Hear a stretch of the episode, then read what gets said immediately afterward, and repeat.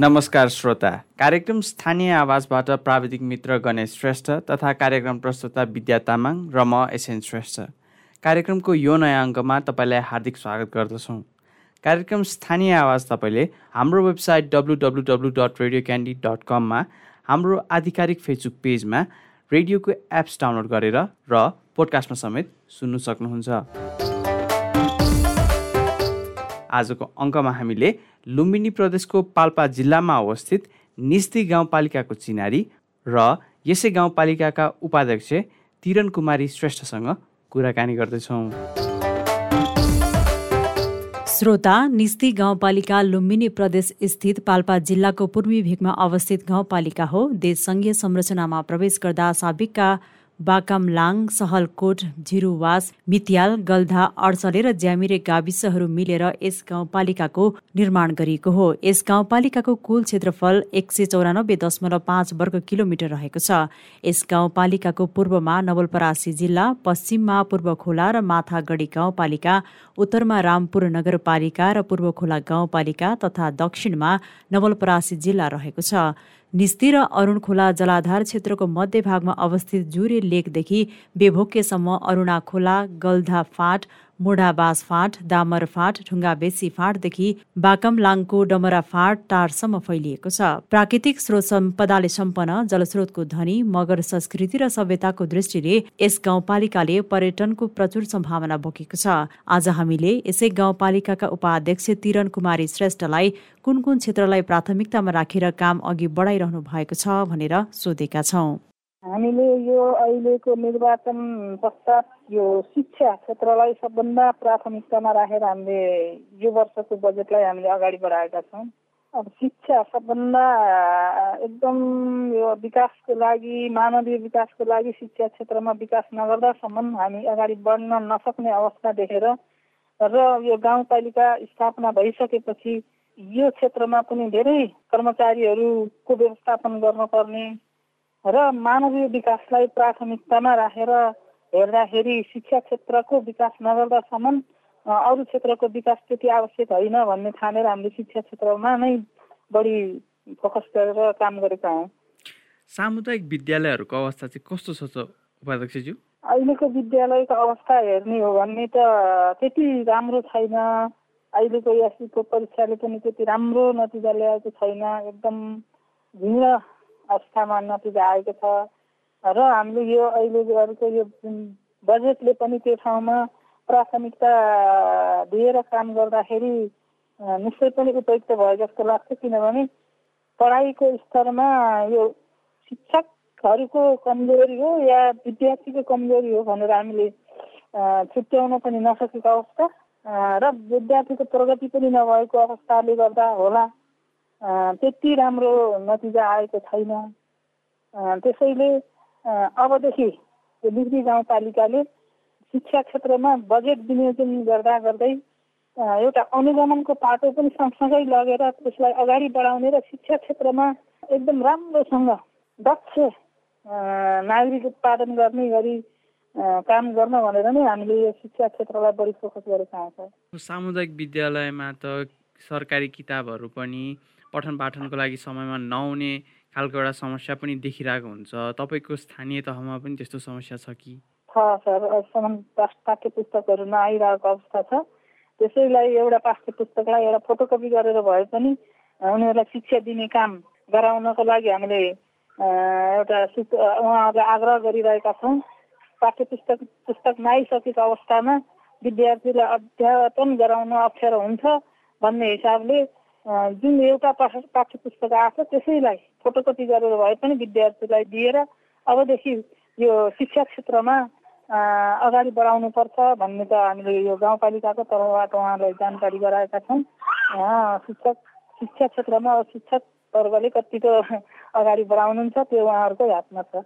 विशेष कुनै शिक्षकहरूलाई तालिमको पनि आयोजना गर्ने सोचमा हुनुहुन्छ कि? होइन आयो आयोजना गर्ने होइन हामीले प्रत्येक वर्षको योजनामा हामीले यो शिक्षकहरूलाई तालिम कार्यक्रम भनेर त बजेट बस्दै पछि विनियोजन भइराखेको छ र उहाँहरूले लिइ पनि राख्नु भएको छ सर उपाध्यक्षज्यू वर्षायाम सुरु भएसँगै धेरै ठाउँमा बाढी पहिरोको जोखिम बढ्न थालेको छ तपाईँको। स्थानीय तहको अवस्था चाहिँ कस्तो छ? स्थानीय तहको कुरा गर्दाखेरि स्थानीय तह मध्ये दसवटा पालिका मध्ये हाम्रो निक्दी गाउँपालिका भनेको एकदम विकट क्षेत्र अथवा पालिका पर्दछ भौगोलिक हिसाबले हेर्ने हो भने डाँडा काँडा मात्र भएको र धेरै पहिरोले प्रभावित भएको क्षेत्र पर्छ। त्यसमा अहिलेको वर्षाले जुन ठाउँमा सडकहरू बनिरहेका छन् ती ती ठाउँहरूमा पहिरो गएर बाटो बन्द हुने पालिकामा आउन अप्ठ्यारो हुने वडा कार्यालयमा जान अप्ठ्यारो हुने अवस्था त छ। तर गाउँपालिकाले एउटा जेसिबी एक्सकाभेटर किनेर त्यसलाई सफा गर्ने र जुन हिँड्ने जुन पालिका अथवा वडामा जाने व्यक्तिहरू हुन्छ उहाँहरूलाई त्यति कठिनाइ नगराएर सहजै रूपमा पालिका र वडामा जाने अवस्था त गराइएको छ तर यो बर्खाले दुःख त एकदम दिएको छ पालिकालाई पालिकाको बजेटमा धेरै खर्च गर्नुपर्ने अवस्था देखिएको छ। सर जनधनको पनि धेरै क्षति भएको छ कि? त्यस्तो जनधनकै क्षति त त्यति साह्रै भएको छैन सर।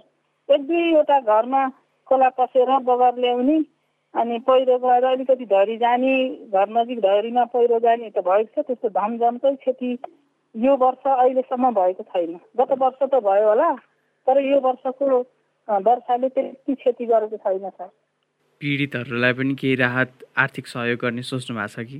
होइन छ बजेटमै राखेका छौँ। उहाँलाई त्यस्तो आपतकालीन अवस्था आइपऱ्यो भने सहयोग गर्नुपर्छ भनेर हामीले बजेटमै विनियोजन गरेर राखेका छौँ सर।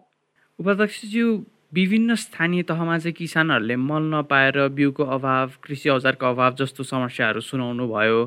तपाईँको गाउँपालिकामा चाहिँ अवस्था कस्तो छ त मलको बारेमा भन्नुपर्दा हाम्रो गाउँपालिकामा त्यति धेरै खेत खेत गर्ने खेती खेतको रूपमा खेती गर्ने योग्य जमिन त्यति धेरै नभएको अवस्था छ सर।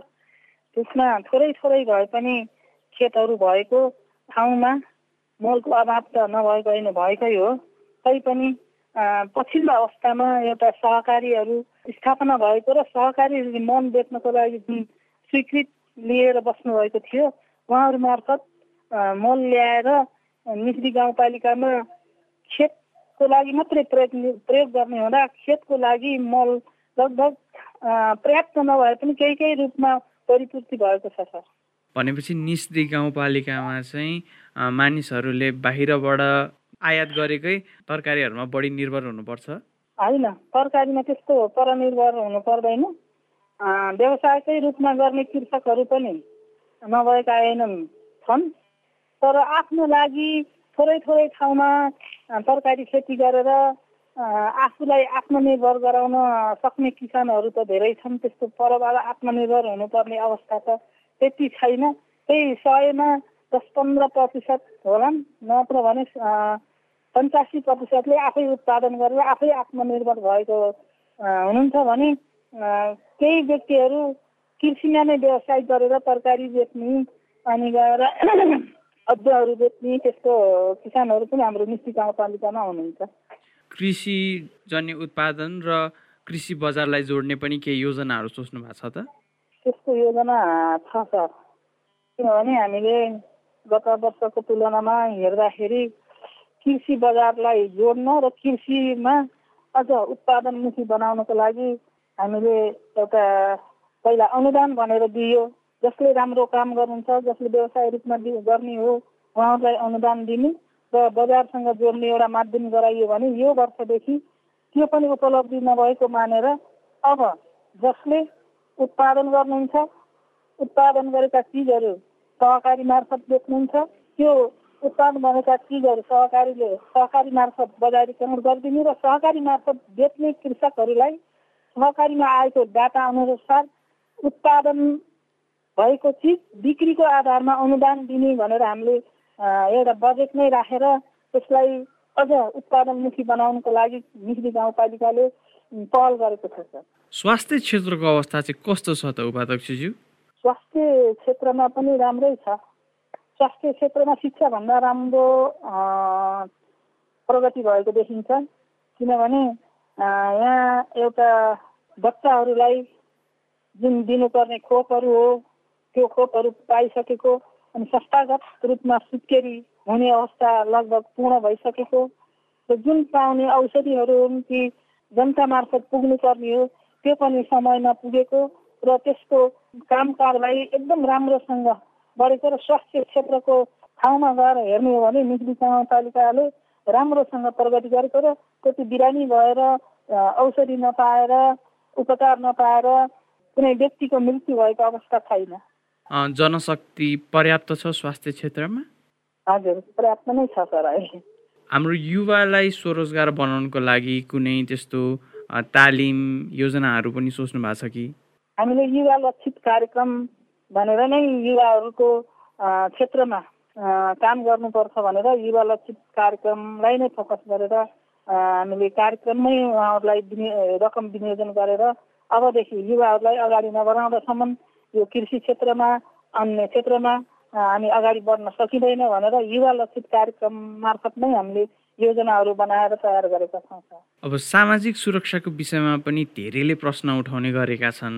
तपाईँको स्थानीय तहमा चाहिँ वृद्ध वृद्ध बालबालिका एकल महिला अपाङ्गता भएका व्यक्ति पिछडिएका सम समुदायहरूको आदिको अवस्थालाई चाहिँ कसरी सुधार्ने सोच्नु भएको छ त? यो सामाजिक क्षेत्रमा भन्ने हो भने यो भत्ताको रूपमा त एकल पुरुष एकल महिला अनि गएर अनि यो वृद्ध वृद्धहरूले पाउने जुन रकमहरू पाइराख्नु भएको छ त्यसमा पनि अपाङ्गको क्षेत्रमा अगाडि जुन यो ग वर्गको अपाङ्ग हुन्थ्यो उहाँहरूको रकम योभन्दा अगाडिको वर्षदेखि लागु भएकोलाई पनि कटौती गरेको अवस्था र एकल महिलाले भत्ता पाउँदै गर्दा एकल पुरुषलाई पनि भत्ता दिनुपर्छ भनेर हामीले यो वर्षदेखि साठी वर्ष पुगेका एकल पुरुष अनि ग वर्गका अपाङ्ग भएका व्यक्तिहरूलाई पनि हामीले अब सुरक्षा भत्ता दिने भनेर एउटा कार्यविधि बनाएर त्यसलाई साउन यो श्रावण को महिनादेखि लागू गर्ने भनेर हामीले कार्यविधि बनाएर त्यसलाई कार्यपालिकाबाट पनि पास गरेर त्यसलाई अगाडि बढाइसकेका छौँ सर। उपाध्यक्षज्यू धेरै योजनाहरू छन् भनेर भन्नु भइहाल्यो होइन? यो योजनाहरूलाई साकार गर्नको लागि निस्ती गाउँपालिकाको आर्थिक स्रोतहरू चाहिँ के के छन् त? निस्ती गाउँपालिकाको आर्थिक स्रोतको विषयमा कुरा गर्न पर्दा सर अब एउटा हुम्सी सिमेन्ट भन्ने यो निस्ती गाउँपालिकाभित्रै पर्छ। त्यसबाट पनि निहिदी गाउँपालिकालाई एउटा राम्रै स्रोतको विषयको रूपमा लिन सकिएको छ। त्यस्तै गरेर नदीजन्य क्षेत्रहरू पनि अलि धेरै भएको हुँदा त्यसबाट पनि निजी गाउँपालिकाको आय स्रोत बढ्ने क्रम राम्रै छ। र यस्ता ढुङ्गाहरू जुन सडकको छेउछाउमा भएका ढुङ्गाहरू त्यसबाट पनि निक्ली गाउँपालिकाको एउटा आय स्रोत बनेको छ भने एउटा वनको क्षेत्रमा हेर्ने हो भने पनि यो निस्बी गाउँपालिकामा सबैभन्दा धेरै सामुदायिक वनहरू भएको हुँदा त्यसबाट पनि यो निस्बी गाउँपालिकालाई एउटा आय स्रोतको विषय बनाउन सकिएको छ। त्यसो हुँदा निस्बी गाउँपालिकाको आय स्रोत हेर्ने हो भने दसवटा पालिका मध्ये लगभग एक नम्बरमै पर्न सक्ने जस्तो हामीले मानेका छौँ। आम्दानीको स्रोत बन्न सक्ने पर्यटकीय क्षेत्रहरू पनि छन् कि? छन् सर त्यो मैले भन्न भुलेछु हाम्रो एउटा यो अम्लिसो हजुर। काउले डाँडामा एउटा पर्यटकीय क्षेत्रकै रूपमा अम्लिसो खेती गरेको छ। त्यसलाई पर्यटकीय रूपमा हेर्न आउने पर्यटकहरू पनि निकै पाइन्छ र त्यसबाट पनि राम्रै आम्दानी भएको हुन्छ। त्यस्तै गरी अर्को लेक डाँडा अर्को जुरे गुफा त्यस्ता ठाउँबाट यो पर्यटकीय क्षेत्रबाट पनि यो निजी गाउँपालिकालाई केही आम्दानीको स्रोत बनाउन सकिएको छ। तपाईँहरू निर्वाचित भएर आए पश्चात जनसमुदायले चाहिँ यस्तो गरिदिए हुन्थ्यो भन्ने त्यस्तो कुनै माग अगाडि सार्नु भयो त? निर्वाचित भएर आइसकेपछि त अब हामीलाई त्यस्तो यस्तो गरिदिए हुन्थ्यो भनेर खासै भन्दा पनि त्यही योजनाकै रूपमा सबैले माग गर्ने। यो यो काम गरिदिनु भयो यो क्षेत्रमा बजेट छुट्याइदिनु भयो अथवा विनियोजन गरिदिनु भयो। हाम्रो आवश्यकताहरू पुरा हुन्थ्यो भनेर त आयो। तर यस विषयमा यसरी नै गरिदिनु भएदेखि भन्ने कुरो त छैन। तैपनि यो सडकहरू एउटा दुर्गम ठाउँको सडकहरू एउटा पिच नहुँदा अलिकति बर्खाको समयमा र अन्य समयमा पनि हिँड्नलाई अलिक गाह्रो हुँदा त्यो विषयलाई लिएर ग्राभेल अथवा पिच गरिदिनु भयो भने निस्ती गाउँपालिकाको सबैवटाबाट निस्ती गाउँपालिकाको कार्यालयमा आउनलाई सजिलो हुन्थ्यो भन्ने एउटा पहिलो रूपमा माग राख्नु भएको छ भने अर्को शिक्षा क्षेत्रमा नै विकास गर्न सकियो भने यहाँ जन दक्ष जनशक्ति उत्पादन गरेर निस्ती गाउँपालिकाको यो जुन कर्मचारी अथवा अन्य क्षेत्रमा जुन जुन क्षेत्रमा आवश्यक पर्ने हो त्यो जनशक्ति उत्पादन गर्न सकिन्थ्यो भनेर एक दुईजनाले भन्ने गर्नुहुन्छ तर होइन भने सबैले योजनाको रूपमा सबैले लानु भएको छ र यही परिपूर्ति गरिदिनु भयो भने हाम्रो विकास यही हुन्छ भन्ने सोच्नु भएको छ। त्यस गरी छुट्टै किसिमबाट यो गरिदिनु भयो हुन्थ्यो भन्ने हामीसँग आएको छैन सर। उपाध्यक्षज्यू महिला विशेष पनि कुनै कार्यक्रमहरू सोच्नु भएको छ त? महिलाहरूको लागि सर। हजुर। महिलाहरूको लागि त एकदम सोचिया छ। म उपाध्यक्ष भएर गइसकेपछि महिलाको क्षेत्रमा पनि केही काम गर्नुपर्छ। महिला क्षेत्रमा पनि महिलाहरूलाई अगाडि बढाउनुपर्छ भनेर एउटा नीति तथा कार्यक्रममै ल्याइएको छ। के भने एउटा बाल विवाह पनि अन्त्य हुने अनि शिक्षा क्षेत्रमा पनि महिलाहरूलाई अगाडि बढाउन सकिन्छ भनेर प्लस टू पास गरेर बिस वर्ष उमेर वर्ष पुरा गरिसकेपछि विवाह गर्ने महिलालाई प्रोत्साहन रूप स्वरूप निजी गाउँपालिकाले सम्मान गर्ने केही रकम सहित सम्मान गर्ने भनेर एउटा राखिएको छ भने अर्को यो लक्षित वर्गको जुन महिला लक्षित वर्ग अन्तर्गत विनियोजन भएको रकम छ त्यसलाई तालिमहरू दिने र महिलाहरूलाई अगाडि बढाउने त छँदै छ। त्यो हामीले प्रत्येक वर्ष पनि गरेका हौँ र यो वर्ष महिलाहरूलाई शिक्षा क्षेत्रमा पनि अगाडि बढाउनुपर्छ भनेर त्यही महिला लक्षित वर्गको रकमबाट प्रत्येक वडाको सातवटा वडा निजी गाउँपालिकाको छ। एक एकजना महिलालाई एउटा प्राविधिक शिक्षा दिएर दक्ष जनशक्ति मध्ये महिलालाई पनि हामीले उत्पादन गर्नुपर्छ भनेर यो बजेटबाट सातजना महिलालाई प्राविधिक धारको शिक्षा दिई पढ्नको लागि हामीले व्यवस्था गर्ने भनेर आज मात्रै त्यही बैठकमा थिएँ निर्णय गरेर हामी आएका छौँ। हामीले सोचेका छौँ र आज निर्णय गरेर पास पनि गरिसकेका छौँ र अन्य कुरा जस्तै नेतृत्व विकासको ठाउँमा अरू सिपमूलक क्षेत्रमा पनि हामीले केही रकमहरू विनियोजन गरेर महिलालाई अगाडि बढाउनुपर्छ भनेर हामी लागेका छौँ। उपाध्यक्षज्यू गाउँपालिकाभित्र सुकुम्बासीहरू पनि छन् कि? निस्ली गाउँपालिकामा त्यति सुकुम्बासीको सूचीकरणमा सूचीमा परेको त त्यति म गइसकेपछि पाए पाएको छैन सर त्योभन्दा अघि सूचीकृत भइसकेको भएदेखि मलाई पनि त्यति जानकारी छैन सर ए भएको खण्डमा त्यसलाई व्यवस्थित गरेर लानुहुन्छ? गरिन्छ। व्यवस्थित गरेर लगिन्छ सर हजुर। अघिल्लो कार्यकालमा सञ्चालनमा रहेका तर पुरा नभएका ठुला योजनाहरूलाई चाहिँ कसरी निरन्तरता दिने सोच्नु भएको छ त? अब ठुला योजना पुरा नभएका मध्ये निजी गाउँपालिकाको पहिलोमा हाम्रो विद्युत नै पर्छ सर यो विद्युतलाई हामीले निरन्तरता का रूपमा लैजानलाई गाउँपालिकाले जुन यो विद्युत बाल्नको लागि ठेक्का लिने व्यक्ति हुनुहुन्छ ठेकदार हुनुहुन्छ उहाँसँग समन्वय गरेर उहाँलाई अगाडि बढाउनको लागि गाउँपालिकाले सहयोग गर्ने क्षेत्रमा सहयोग गरेर अगाडि लानको लागि हामीले सोच गराएका छौँ। त्यस त्यो ठेक्कामा गाउँपालिकाले रकमै विनियोजन गरेर अगाडि बढाउन नमिल्ने रहेछ हाम्रो कानुनमा। त्यसो हुँदा त्यसलाई हामीले गर्नुपर्ने सहयोग के के हो? कसरी उहाँलाई जा जागरुक बनाउनुपर्छ कसरी सहयोग गराउनुपर्छ र यो योजनालाई हामीले सम्पन्न गराउनुपर्छ भनेर हाम्रो मिस्त्री गाउँपालिका हर हमेसा तयार भएर अगाडि बढेको अवस्था छ भने अर्को कुरा खानेपानी हो। यो खानेपानीलाई पनि निरन्तरता दिनको लागि योभन्दा अगाडिको अथवा गत सालको बजेटले कति रकम अपुग भएको हो त्यसलाई हेरेर त्यसको रिपोर्ट मागेर त्यसको प्रतिवेदन मागेर कति थप गर्दा यो योजना सम्पन्न हुने हो त भनेर छलफल गरेर पुरा फेरि त्यो योजनालाई रकम थप गरेर निरन्तरता दिने काम भएको छ। अन्य त्यस्ता ठुला ठुला कामहरू त अधुरा रहेको जस्तो देखिन्न। सडकहरूको क्षेत्रमा हेर्ने हो भने सडकलाई पनि अब नाली बनाउने व्यवस्थापन गर्ने क्षेत्रमा निरन्तरता दिने काम भइरहेको छ त। उपाध्यक्षज्यू धेरै प्रभावकारी योजनाहरू छन् तरिकाहरू अप्नाउने छौँ भनेर भन्नु भइहाल्यो होइन? तर पहिलो कार्यकालमा धेरै स्थानीय तहमा कागजमा योजना मिलाएर भ्रष्टाचार मौलाएको देखियो। तपाईँको कार्यकालमा चाहिँ पारदर्शितालाई कसरी ध्यान दिने सोच्नु भएको छ त? अब त्यो पारदर्शितामा त योभन्दा अगाडिका कार्यकालमा कुनै कुनै ठाउँमा भयो होला नि। निम्ति गाउँपालिकामा त त्यस्तो खासै व्यवहारिक रूपमा सुनिएको छैन। अब भित्री कागजी रूपमा भएको भए त त्यो पनि म त्यसमा म जानकार छैन।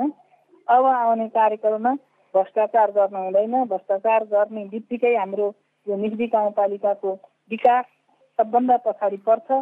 त्यो विकासलाई पछाडि पर्न नदिनको लागि भ्रष्टाचार नगर्ने व्यक्तिलाई कारवाही गर्ने थाहा पाइयो भने यसलाई के के कारवाही गर्नुपर्ने हो त्यो क्षेत्रमा पुर्याउने र आफू भ्रष्टाचार नगर्न भनेर प्रतिबद्ध भएर गएको भ्रष्टाचार नगरेर गर्ने व्यक्तिलाई कारबारको दायरामा ल्याएर यो निजी गाउँपालिकालाई हामीले अगाडि बढाउने सोच गरेका छौँ छिमेकी स्थानीय तहहरूसँग पनि समन्वय गरेर विकासको योजनाहरू अघि बढाउने केही सोच्नु भएको छ त?